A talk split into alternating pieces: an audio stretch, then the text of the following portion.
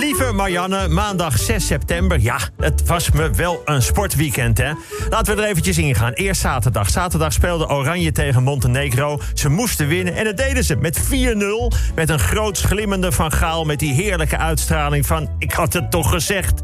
Nu dinsdag nog even van Turkije winnen met verrassend fris voetbal... en een nog grotere uitslag dan tegen Montenegro. En dan hebben we het afzeggen voor Qatar weer helemaal in eigen hand. Louis zelf denkt, Louis zelf denkt dat ze met 6-1 kunnen winnen van Turkije.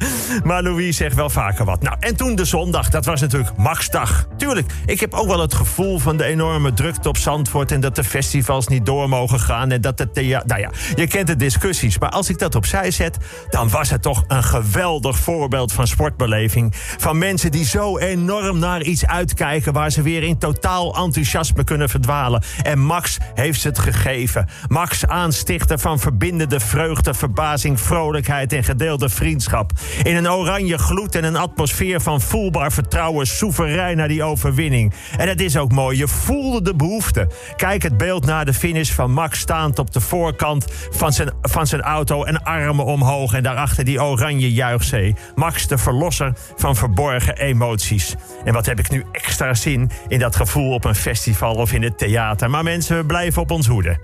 Tennis. Na 18 jaar weer een Nederlandse man bij de laatste acht van een Grand Slam. Botik van de Zandschulp.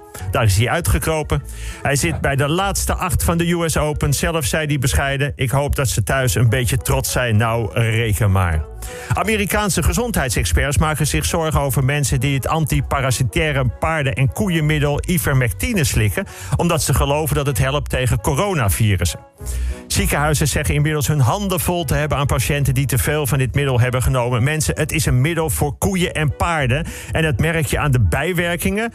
Bij mensen die het slikken heeft het namelijk de bijwerking dat je gaat hinniken, een poster van Ankie van Grunsven op je kamer hangt, gewoon in de kamer gaat zitten schijten en als ze aan je speen trekken dat de melk uitkomt. De Komodo vooraan, de grootste hagedis ter wereld en gluipert van het zuiverste water, wordt bedreigd met uitsterven. Ook de haai en de rog gaat het slecht. Maar mensen, er is goed nieuws over drie soorten tonijn. Die worden niet meer bedreigd. Dat is natuurlijk ontzettend stom van de tonijn om dat bekend te maken. Want terwijl ik het lees, krijg ik gelijk zin in sushi en grote bakken verse salade niçoise. Als ik deze sympathieke vissoort een tip mag geven. Juist als het goed gaat met je, moet je een beetje je mond houden. Dinsdag 7 september. Wat blijkt als je denkt dat je stofwisseling verandert na je 30ste en dat je daardoor dikker wordt? Klopt niet. Verandert helemaal niet, die stofwisseling. Ga maar eens diep denken hoe het dan komt. En ik denk gewoon makkelijker met een zak chips en een liter cola. ik ben jarig, een dag voor Frank. Het is 7 september. Drink nu pas tot me door dat ik dus waarschijnlijk verwekt ben op Sinterklaasavond. Ik zie dat beeld. Mijn vader met zijn baard om. En mijn moeder maar zingen. Sint-Nicolaas, Sint-Nicolaas, breng ons vanavond een bezoek. De rest durf ik niet eens te zingen. Hoor, wat klopt daar, kinderen? Ik ben een Sinterklaaskind. En mag dat wel tegenwoordig?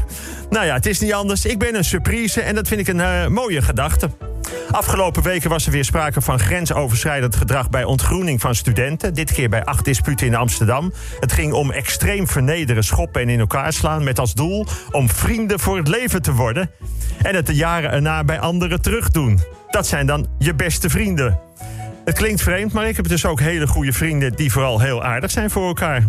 Ik ga ze duidelijk maken dat we dat dus moeten veranderen. Dank trouwens alle lieve mensen voor hun felicitaties op social media. Ik hoop dat jullie dat ook allemaal bij Frank doen.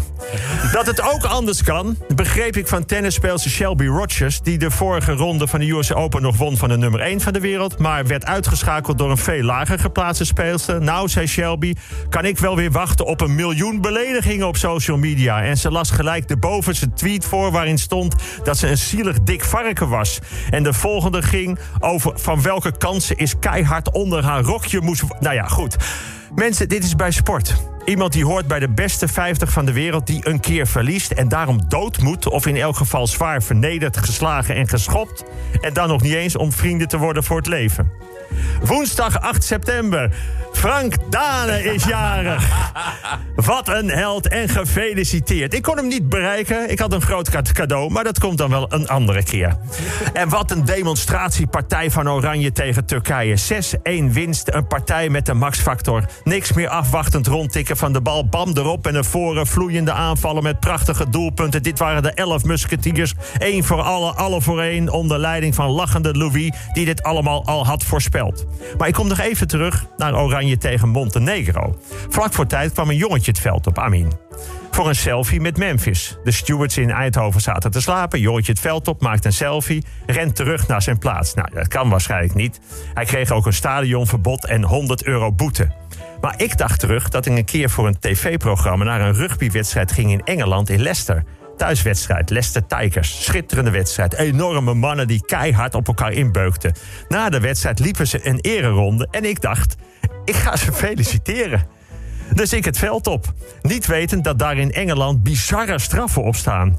Ik loop naar die Tigers, die zwaaien naar het publiek, dus ik een beetje meezwaaien. Zij kijken naar mij. Ze zwaaien opeens niet meer. Ik nog een heel klein beetje.